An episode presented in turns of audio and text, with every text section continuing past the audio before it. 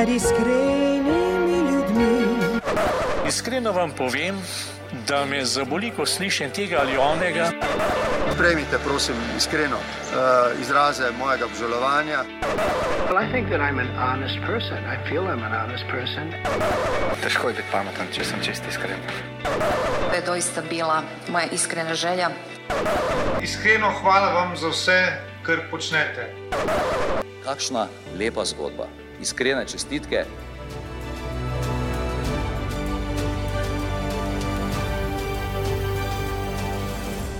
Drage poslušalke in spoštovani poslušalci, prisrčno dobrodošli v osmi oddaji najbolj iskrenega podcasta, podcasta, kjer ne ustvarjamo mnen, ampak skušamo spremeniti kakšno srce. Eh, Moje ime je Dušan Poslek in v današnji oddaji se bomo obrnili malo nazaj. Šli bomo tam nekje, oziroma izhodišče za našo oddajo je mesec september. Eh, Takrat je celotna športna Slovenija ponovno dihala z našimi športniki, ki so eh, dosegali ponovno ene vrhunske rezultate, ponovno so plapolale slovenske zastave po slovenskih domovih in družbena omrežja so bila polna hvale na račun naših športnikov in njihovih dosežkov. Če omenim le nekatere, v zadnjih dveh mesecih se je veliko govorilo o košarki, o Luki Dončiću, o Goranu Dragiču v ligi NBA, potem Tim Geiser nas vedno znova navdušuje z, z nastopom v svoji športni disciplini v motokrosu oziroma MXGP-ju. Eh, Da ne govorimo o rokometni in košarkarski reprezentanci, ki sta v teh dveh ekipnih športih v preteklosti res dosegali eh, izjemne rezultate. Potem imamo športe, individualne športe, od tenisa, mladi slovenski atleti navdušujejo in kot češnja na torti pa sta bila v mesecu septembru eh, zagotovo Primoš Roglič in pa Tadej Pogačar, ki sta na dirki po Franciji ponudila epski boj, dvoboj, v katerem smo nekaj misli eh, zapisali tudi na našem portalu. In vsi ti dosežki, zagotovo nisem omenil eh, vseh, eh, pogosto za sabo potegnejo tudi to, da se zanimanje za posamezen šport poveča. In to ne le v smislu gledanosti tega športa, ampak tudi pri povečanem številu otrok, ki se upišajo eh, na treninge in podobno. Eh, Današnja tema je zato namenjena prav temu. Eh, Poskušali bomo se pogovoriti o tem, kako se z otroki pravilno lotiti treningov, kaj od njih pričakovati, kaj od njih zahtevati in kako obenem poskrbeti, da bo otrokom šport eh, v veselje in ne v breme. Zato z danes z velikim veseljem v moji družbi eh, gostim Mateja Lunežnika. Eh, Matej je športni psiholog, je mentalni trener in z njim bova danes spregovorila o različnih vidikih športa, treniranja, vpliva športa na družine, otroke, odnose in podobno. Tako da, Matej, pozdravljen, dobrodošel v našem podkastu. Ja, lepo zdrav, en iskren, lepo zdrav no, vsem iskrenim poslušalcem. Tako, Matej, če začnemo pri teh eh, dosežkih, ki sem jih zdaj samo eh, nekaj eh, naštel, kako ti doživljaš uspehe teh slovenskih športnikov? No, mislim, kot vsak slovenec je zagotovo navdušen ne, in shičen nad takimi rezultati, ki jih naši športniki dosegajo. Tako da eh, spremljam z veseljem vse, kar eh, je takega, bom rekel, kar eh, vrhunsko kaže na kvaliteto slovenskih športnikov, z veseljem pogledamo. Ampak načeloma rad gledam vse športnike, tudi takrat, ko jim mogoče ne gre tako, pa jih ne hvalimo, pa trpljamo. Vesel sem, da imamo v bistvu toliko športnikov, ki na različnih vrhunskih ravneh tekmujejo s vsemi ostalimi športniki tega planeta. Mhm. In pogosto se mi nekako iščemo izgovor ali pa pojasnila tudi v majhnosti naše države, ampak ravno vrhunski slovenski športniki nam kažejo, da velikost države ni nobeno merilo pri us njihovih uspehih oziroma pri uspehih športnikov. Ne? No, zdaj, eh, čist, če smo na enem iskrenem portalu, iskreno povedo, to dobim res pike po telesu, eh, ko slišim, da smo mali, ker eh, mali smo samo v glavah. Ne? Šport je, bom rekel, tako čist uh, preprosto, imamo vladavino prava, pravijo. Ne? Ampak za mene, pf, ne vem, vladavina prava ni toliko vladavina, kot je vladavina športa. Eh, V športu nimaš eh, olimpijade, ne vem, prvega nivoja, pa ne vem kaj še drugostopensko olimpijado, pa vrhovno olimpijado, ne, tako kot je v pravu. V športu imaš eno tekmo, če si dober, si dober, če te ni, te ni. Ne. Tako da mislim, da je šport eh, eno ogledalo vsakega posameznika in da na nek način potem lahko vsak pokaže, kdo je. Ne. Ali si ti iz Slovenije, ali si iz Velike Amerike, ali si iz kaj pa vem, male državice, še manjše kot Slovenija. Če se trudiš, če bom rekel, imaš neke sposobnosti, si lahko prvi. Nasvidenje, hvala lepa. Lep primer imamo zdaj, naprimer, koliko je ta šport, bom rekel, krut, ne, po eni strani ali pa po drugi strani objektivn. Uh, primer Rogliča in Pogačarja. Um, Roglič je vodil 14 dni, potem pa je zadnji dan vse skupaj izgubil v enem kronometru in naslov je šel Pogačarju. Ne. Veliko se jih je mogoče malo počutilo, tako malo otožne, zato ker je pač Roglič bi se bolj zaslužil, pa 29 let, pogača še mlajši in tako dalje. Ne? Ampak to je vladavina športa. Če si dober, si dober, ni važno, koliko si star, uh, od katere države prihajaš. Ne? In zato ta naša miselnost, majhnost v glavah. Je tista, ki nas veliko krat, bom rekel, omejuje, da bi dosegli svoje potencijale, ki jih zagotovo imamo. Ne? Tako da jaz sem ravno z tega vidika po srcu športnik, ker to je za mene eno izmed redkih področji na tem planetu, ker si lahko ti s svojim trudom res najboljši. Ne, ne šteje, ker te imaš šefrat ali pa ker si politično ne vem, iz te stranke ali kakorkoli pa že. Ti si oseba, ime in primek in tvoj čas je zadaj in nasvidenje, hvala lepa. In to je za mene nekaj, kar bi moralo dati misliti uh, marsikateremu področju, da bi bolj objektivno postavilo temelje za izkoristek samo potencijala, ki ga vsak posameznik ima. Mm. Ampak ravno to, ko si omenil, ne, um, to, da šport na koncu, ko potegnemo črto, izlušči najboljše. Torej, končni rezultat je odraz uh, realnih moči oziroma realnih uh, razmerij med posameznimi športnikoma. Se mi zdi, da imamo mi, opazovalci, gledalci, tisti, ki spremljamo šport, večkrat te pomisleke, ki si jih ti navedel, medtem ko sami vrhunski športniki, na zadnje tudi Primoš Roglič, je to dobro izpostavil po turu. Enostavno je dejal, ne, da želel si je prvo mesto, zaslužil si je pa drugega. Ne. Se mi zdi, da so športniki dosti krat bolj realni kot pa mi, ki si želimo, ki jih povzdigujemo, ki jih spremljamo ne, na zadnje. Ne. Dobro, zdaj odvisno, koliko si v vrhunski šport vpet. Če ga gledaš večinoma z kavča, potem uh, gledaš mogoče skozi to prizmo, ja, kdo bi si kaj bolj zaslužil.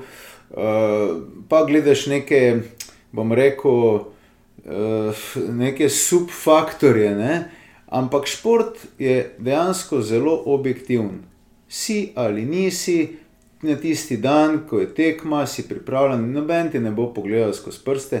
Dobro, vse dogaja, imaš športe, kjer recimo sodniki odločijo tekmo ali pa vplivajo ne vem, z neko umetniško oceno. Ne?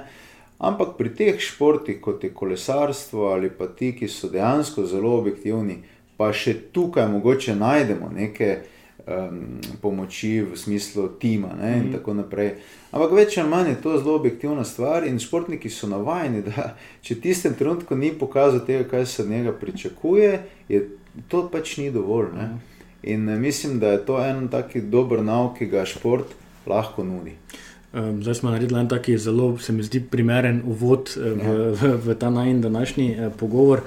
In če se zdaj počasi usmeriva tja, kar je tudi nekako bistvo, vsi ti uspehi, ki smo jih zdaj našteli, ne glede na to, kateri športni disciplini pripadajo, pripeljajo do tega, da se vse več mladih odloči za trening posamezne športne discipline.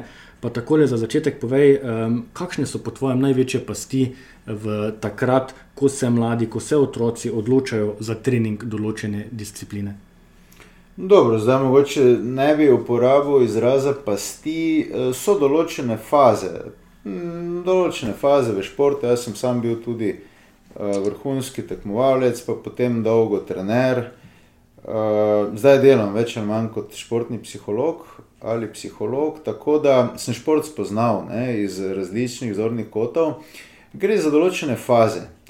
Uh, seveda, lahko ti katera faza, potem, uh, ki je nisi naredil, pride na koncu, bomo rekli, um, da ti škoduje. Ne?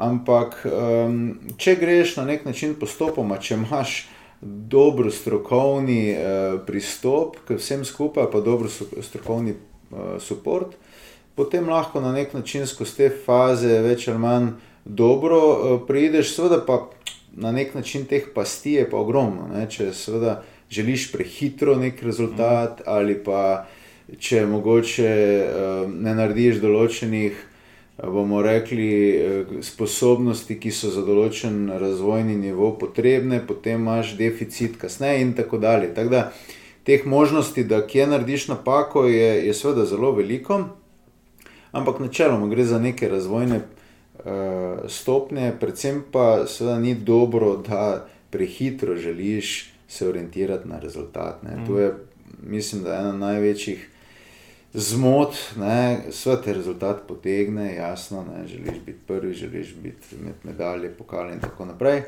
Ampak um, to je ena izmed največjih, bomo rekel, tistih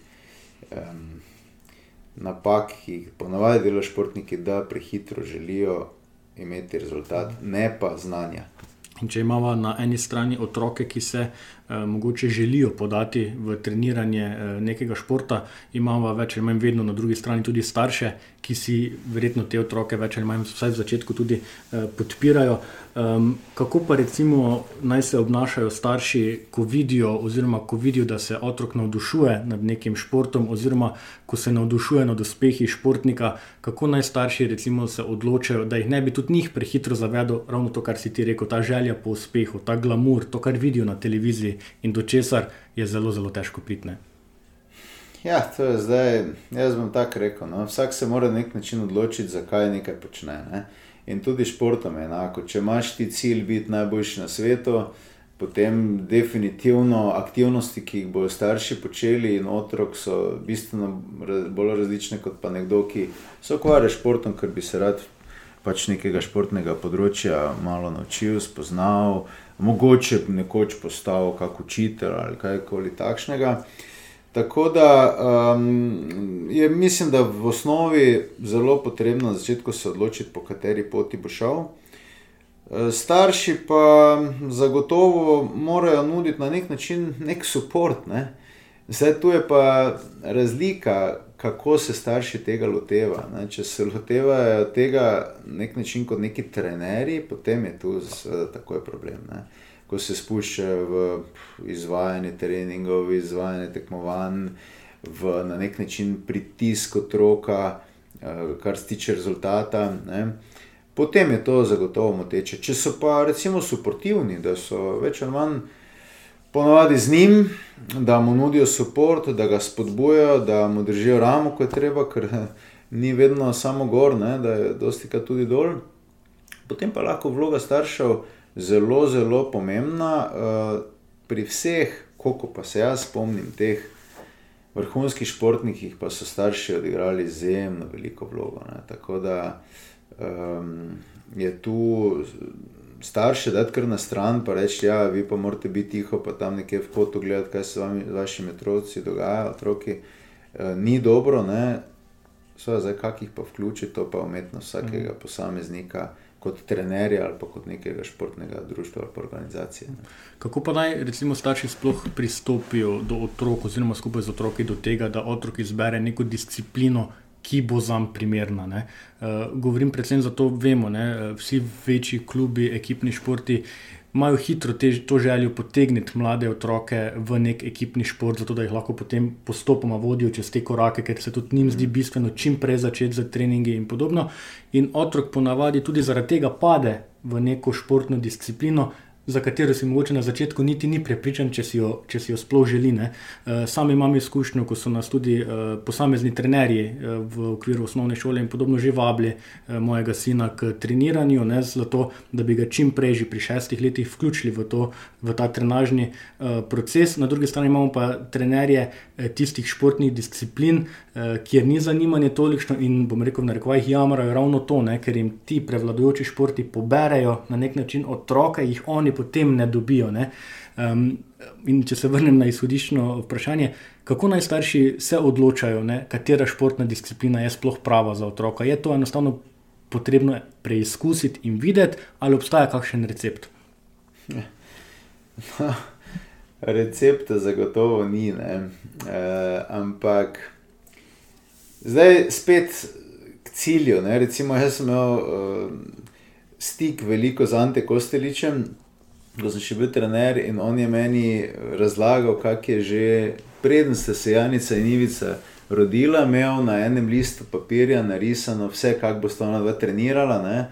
In na kak način bo on tudi ženo zbral, da bo športnica, in tako dalje. ne. Tako da, zdaj, vemo, kaj se je potem iz tega vsega skupaj zgodilo. ne. Torej, zdaj, če greš ti pa razmišljaš, da bi rad res imel olimpijske prvake, potem je to vprašanje, kdaj začeti, zelo relativno. Ne. E, Sicer pa mislim, da je potrebno enostavno otroke, glede na njihove neke lastnosti, uh, sprobati. ne. Vse pa imamo zdaj veliko nekih eh, športnih panog, v katere se lahko vključujejo, malo tudi vidimo, ali je bolj motorika ali je bolj umetniški. Ne, potem ga boš mogoče malo bolj v plesu smeru, ali ga boš, ne vem, kakšne igre z žogo, karkoli pa že. Ne, naj proba, seveda, čim več športnih aktivnosti, potem pa bo že otrok sam malo povedal, malo se bo zaznalo, kje, kje se najbolj še znajde. Plus bo pa s tem dobil neko široko bazo nekih motoričnih vzorcev, ki mu bodo zagotovo nekoč potem koristili eh, pri tisti športni panogi, za katero se bo odločil. Ne. Imamo ogromno primerov, ko so večinoma športniki, ko so bili mladi, trenirali in gimnastiko, in mogoče kakšne borilne veščine, pa so potem se odločili, vem, da bodo eh, postali samo v eni športni panogi dobri. Ne. Za nazadnje imamo primer, zdaj ko sem bil v Roland Garrosu, je bil ta italijan Siner, on je do 14. leta še smučal in je bil odličen smučar. Mislim, da je bil celo državni prvak v neki disciplini v Italiji. Ne.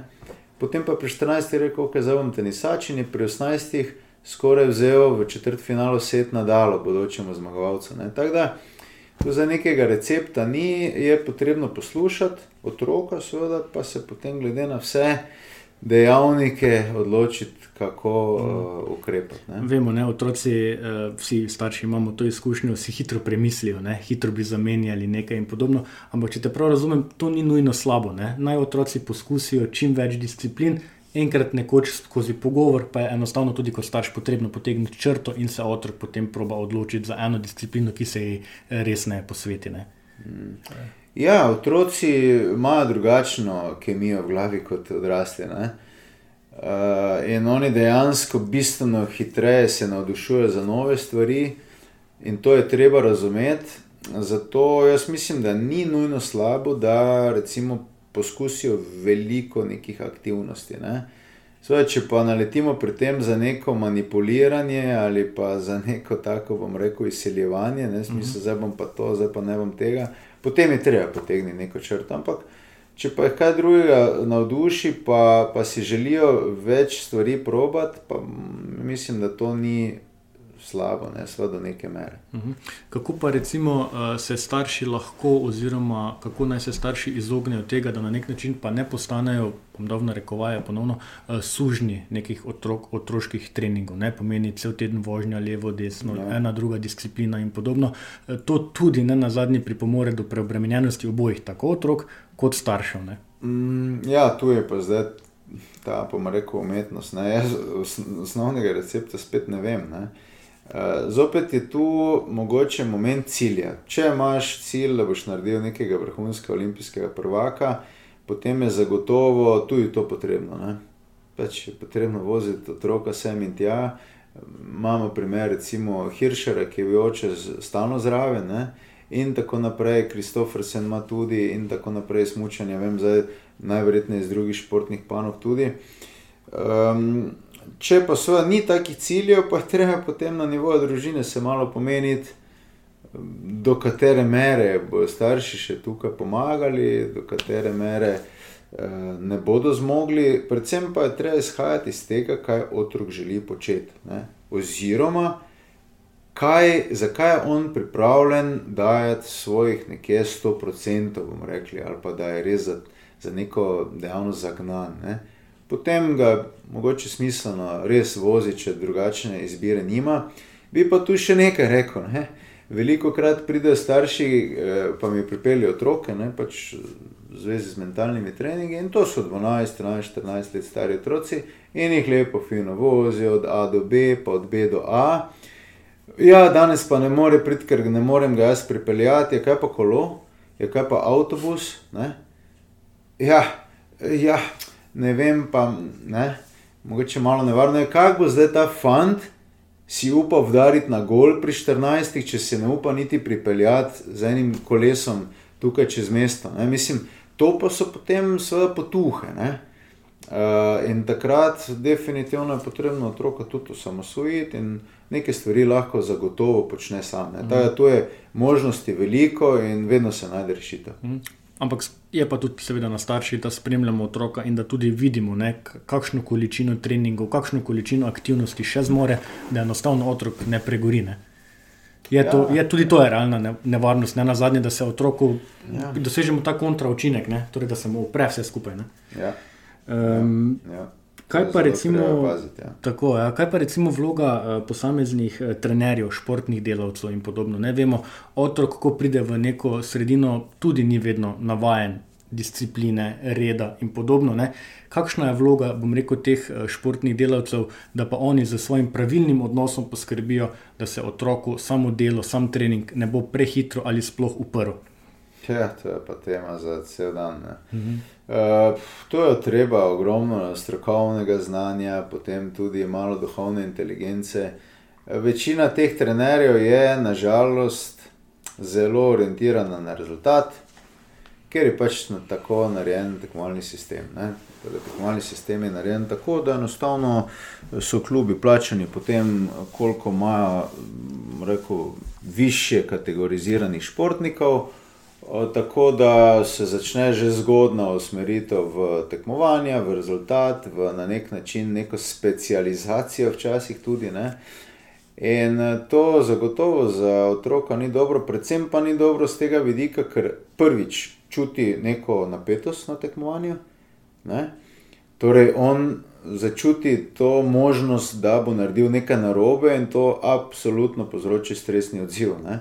Torej, ne gre zaradi želje, pa zaradi igranja, ampak gre zaradi tega, da, da bi dosegel nek rezultat. Ne. In tu trenerji, kaj lahko naredijo, seveda, če se bom rekel, malo bolj pismeni na tem področju, usmerjajo res otroke v neko širino gibalnih vzorcev, v neko igro in predvsem v usmerjenost na odnos do tega, če kar počnejo. Se pravi, gre za odnos. Eh, da priješ na trening, da se pripraviš za trening, da, se, da narediš to, kar pač moraš, ker to je potem največji transfer na življenje. Se pa na prvih treh stopničkah so trije. Ja, kje pa je v ostalih deset tisoč, ki še to panogo treniralo, je, teh ni več ne, v tem športu, ampak zdaj, če so dobili določene navade, ki jim pomagajo v življenju, potem je lahko cel ta input njihovega truda koristen.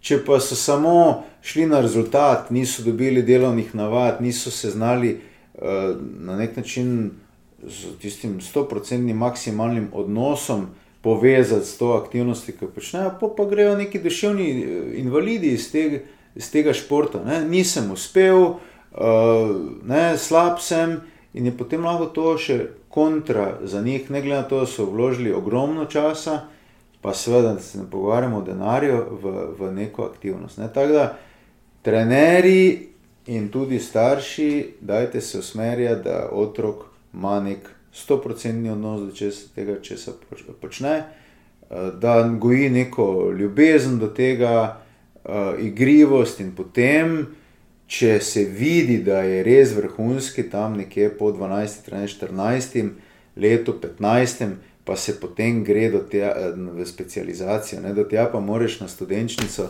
priti pa na sendvič, ne, ker drugače ti potem zmanjka.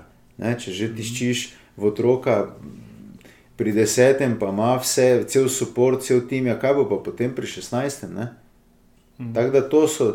To so pa ti momenti, eh, ki dejansko niso toliko, ne, bom rekel, v našem prostoru spremljani in so problematični. Mhm. Sam si že omenil uh, v tem tvojem zadnjem uh, odgovoru tudi finance. Uh, verjetno je to ena izmed tem, o kateri bi se lahko pogovarjala v ločeni oddaji, glede na obsežnost in uh, glede na zahtevnost.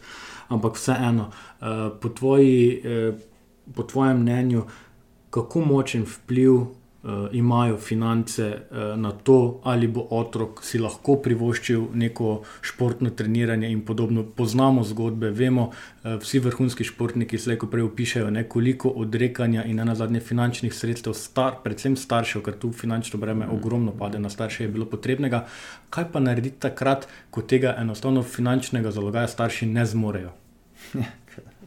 Je potem otrok, recimo, enostavno obsojen ja. na to, da ne bo uspel. Ne? Ja, dobro, zdaj, Nažalost. Možnosti so vedno, ne? lahko pride kakšen dober stric, uh, lahko se najde kakšen sponzor, lahko potem tudi starši na nek način uh, grejo v kakšne kredite ali pa kaj prodajo. Ne? To take zgodbe smo slišali. Ampak zdaj finance so seveda pomembne, ni pa vedno to tisti glavni kamen. Ne. Recimo, še enkrat, če omenjam, naprimer, družino Kostelič, ne, enkrat je lepo Ivica rekel. Uh, za smutanje je potrebno imeti sneg, ne, vlečnice, pa, pa denar, ne, to vsi vemo. Rekl, in ko se voziš, naprimer v Švici, na okoli, kamorkoli pogledaš, same proge, same gore, pa tudi revni, ravno švicari niso, ne, imajo dovolj denarja, tako da imajo denar in sneg. Rekl, zdaj mi pa vi razložite, kako lahko imam jaz, Ivica Kostelič, en človek iz Hrvaške, ker ni denarja bilo, pa ni nobene vlečnice, oziroma sedem vlečnic imajo, pardon, imam več zmag v svetovnem pokalu v slalomu kot cela Švica skupaj. Ne? In tu potem lahko samo zineš, pa rečeš, aha, Ok, to se pravi, se da. Ne?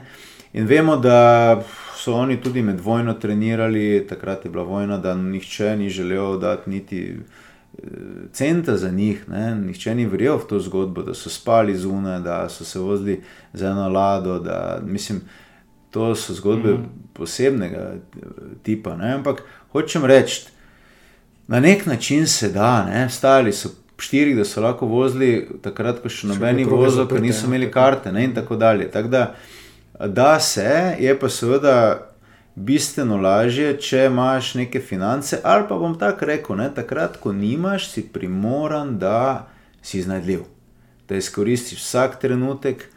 In tu so zdaj določene študije, ki jaz zelo dosti spremljam, recimo zgodbe teh vrhunskih športnikov. Redko kdo je vrhunski, pa da nima nekih problemov v svoji karieri. Ne? Če gledamo Džokota, naprimer, on je treniral, Džokovič, ne? on je treniral, ko so bili bombni napadi na Beogradu, ni vedel, ali bo padla bomba na tisto igrišče ali ne bo. Ne? Včasih je moral dol, pa v uh, zaklonišče in tako naprej. Ne? Tako da dejansko zdaj, če si primoran izkoristiti vsak trenutek za trening, ker veš, da mogoče ne boš naslednji teden imel, je potem stopnja aktivnosti na treningu in ta odnos, o katerem sem že prej govoril, bistveno višji, in potem lahko celo na koncu, vam rekel, si boljši kot nekdo, ki ima.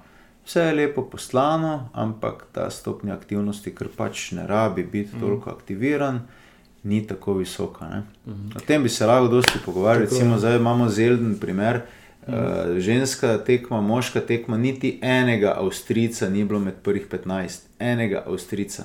Pa vsi vemo, kakšni finančni vložki, no. kakšni aparat tako, je v ozadju. Tako. tako da se da tudi na ta način, jaz mislim, da to ni izgovor. Mm.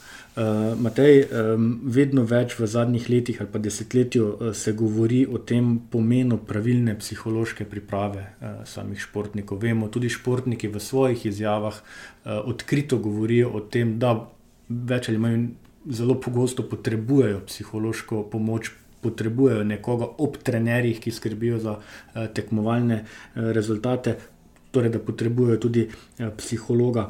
Um, kaj pa recimo psiha, stres, napori otrok, ne? kako se otroci s tem soočajo? Ti si že prej omenil, da nekateri starši poiščejo tudi tvojo pomoč, uh, pripeljejo otroke stare 12, 13, 14 let. Kako se ta stres uh, odraža na, na otrocih pri njihovih športnih dosežkih, kako naj se tudi starši tega lotijo? No, uh, mislim, da sem to že večkrat povedal. Uh, samo tekmovanje prenaša za otroke stres. Ne? In vsi dobro vemo iz življenja, ni treba, da smo športniki, da enostavno, ko prideš ta stresni odziv, da je problem. Ne? Eh, da se počutiš drugače kot sicer, in če to ne znaš malo vladovati, ne pokažeš tega, kar znaš. Ali je to na delovnem področju, ali je to na športnem področju, ali je to, bom rekel, tudi na ljubezenskem področju. Ne? Enostavno, ko imaš tisti cmog v grlu, eh, je problem pokazati, kdo si. Ne? Zdaj pa otroke učimo ogromno nekih spretnosti, pa veščin in tako naprej, kar se tiče njihove športne panoge. Ne naučimo jih pa, kako s neko sposobnostjo, z nekimi tehnikami priti ta stresni odziv in pokazati, pač, koliko znaš v tistem trenutku, ko je tekmovanje. Ne? In to se mi zdi absolutno nestrokovno. Ne? Torej, mi jih učimo, kako je vdariti forehand, backhand, kako eh, vdariti na gol, ne vem, kako eh, moraš smučati, ne poveš pa, kako pa moraš tekmovati. Ne? In potem, ko priješ športniki k meni, jih vprašam, ja, kako pa ti rečeš, da je tvoja glava pomembna na dan tekmovanja. Jaz še nisem spoznal športnika, ki bi rekel, da je psiha manj kot 50%, ne, ko on tekmuje. Zelo veliko je njim pomeni, kako se bo on takrat počutil. Po pa vprašam, kako pa ti to treniraš, reče ja, nič. Ja, zdaj mi pa ti razloži to matematiko. Ne. 50% je pomembna, psiha treniraš, pa nič. Ne. In tu jaz mislim, da je velika rezerva.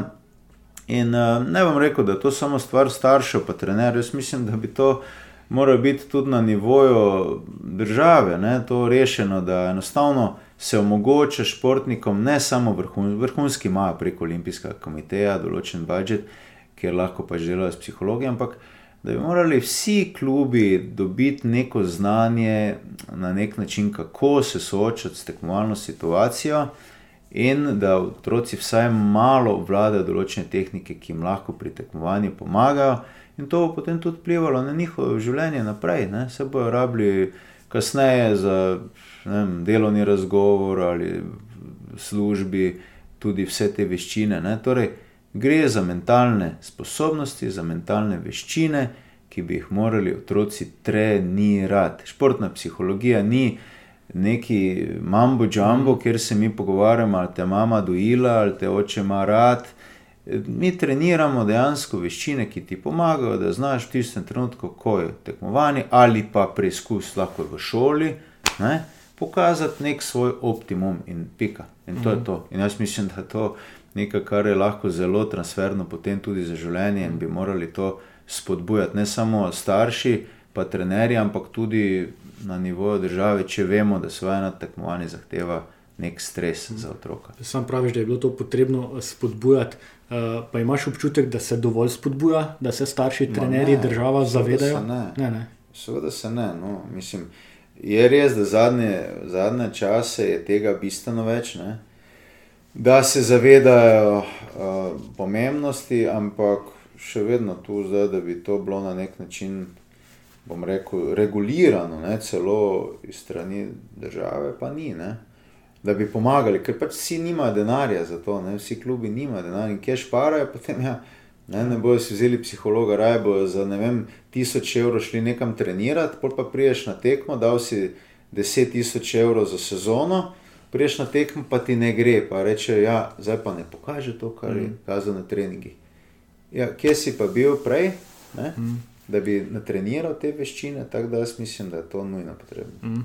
Um, takole, um, ko pa se otrok, ko vidimo starši, recimo, da otrok pa vseeno v nekem športu ne bom dosegal rezultatov, ki si jih mogoče on želi. Ne?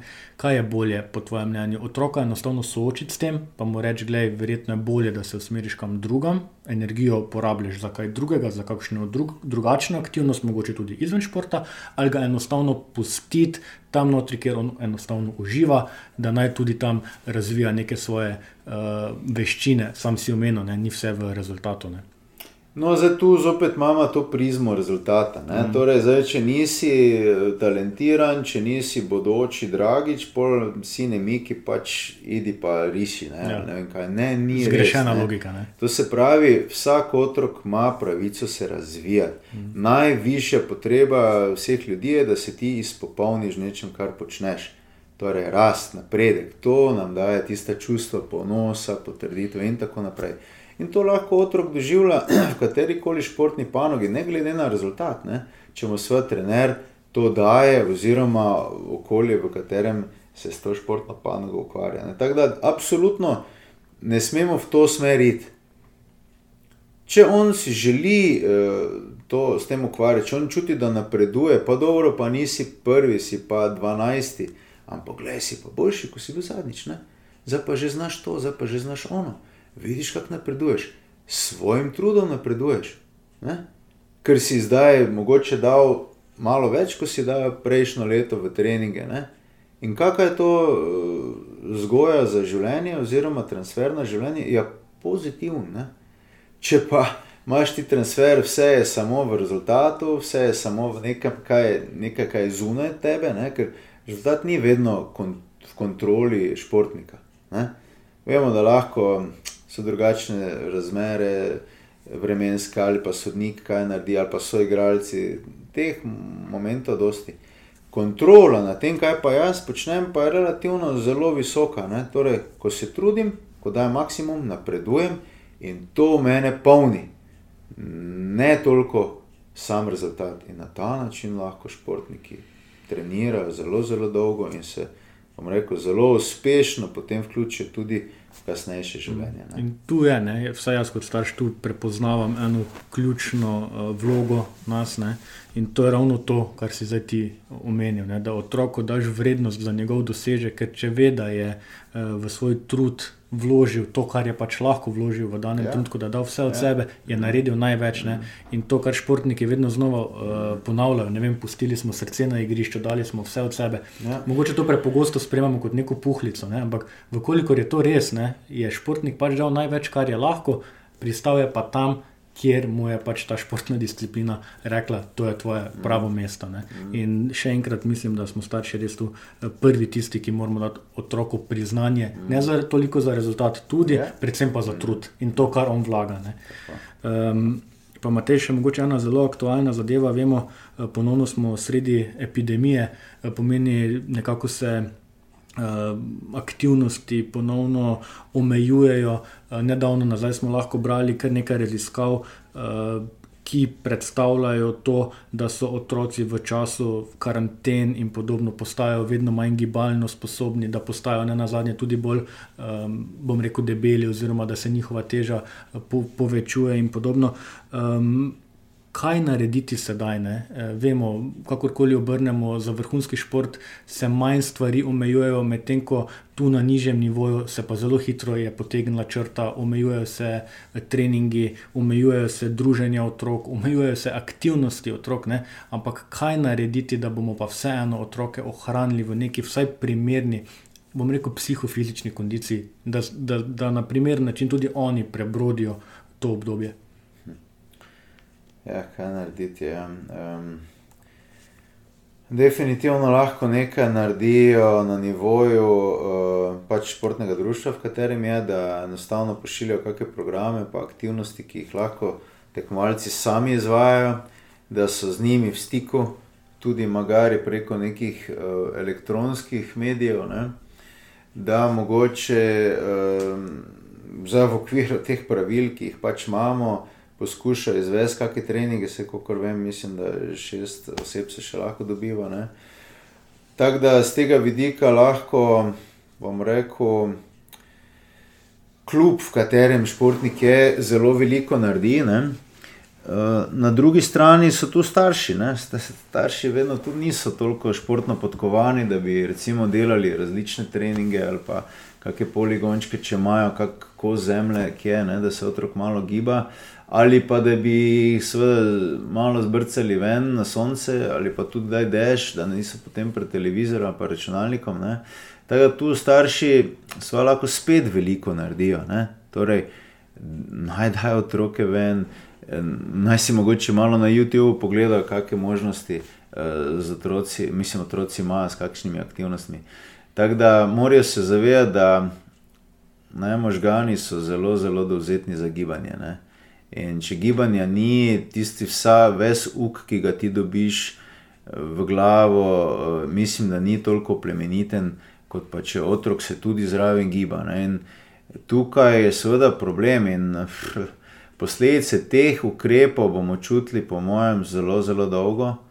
In mislim, da niso pravilni. -huh. Bom rekel odkrito, iskreno, niso pravilni, zato ker, kolikor vem, Mednarodna zdravstvena organizacija je jasno povedala po raziskavi, da otroci in vsi tisti, ki so asimptomatski, torej ki imajo COVID, pa na nek način nimajo simptomov, da bi kašljali, kihali, karkoli že, ne okužujejo drugih.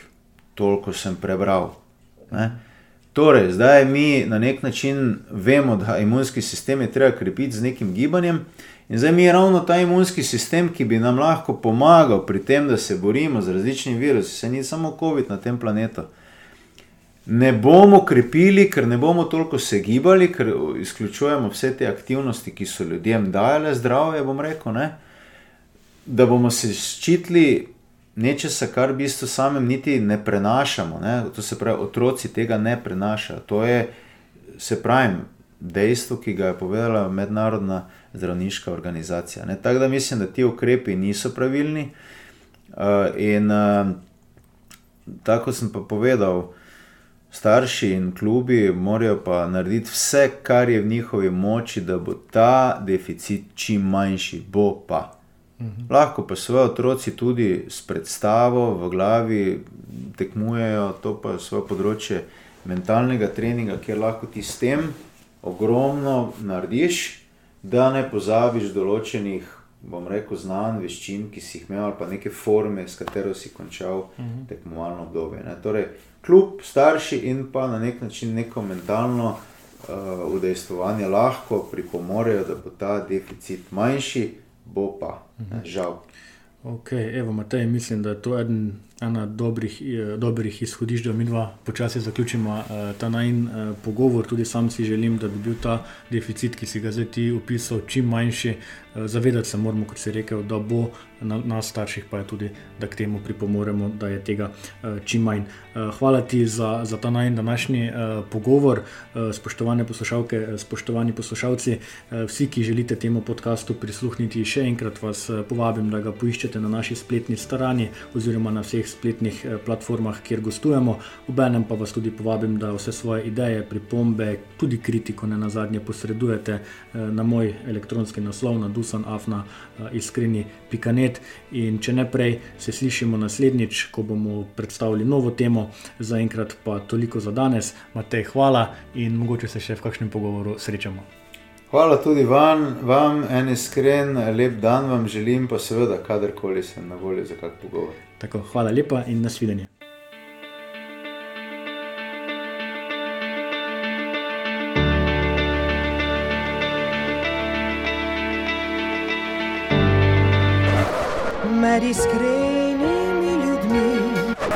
Iskreno vam povem, da me zaboli, ko slišim tega ali onega. Prejmite, prosim, iskreno uh, izraze mojega obžalovanja. Well, I think that I'm an honest person. I feel I'm an honest person. Težko je biti pameten, če sem čest iskren. To je doista bila moja iskrena želja. Iskreno hvala vam za vse, kar počnete. Kakšna lepa zgodba. Iskrene čestitke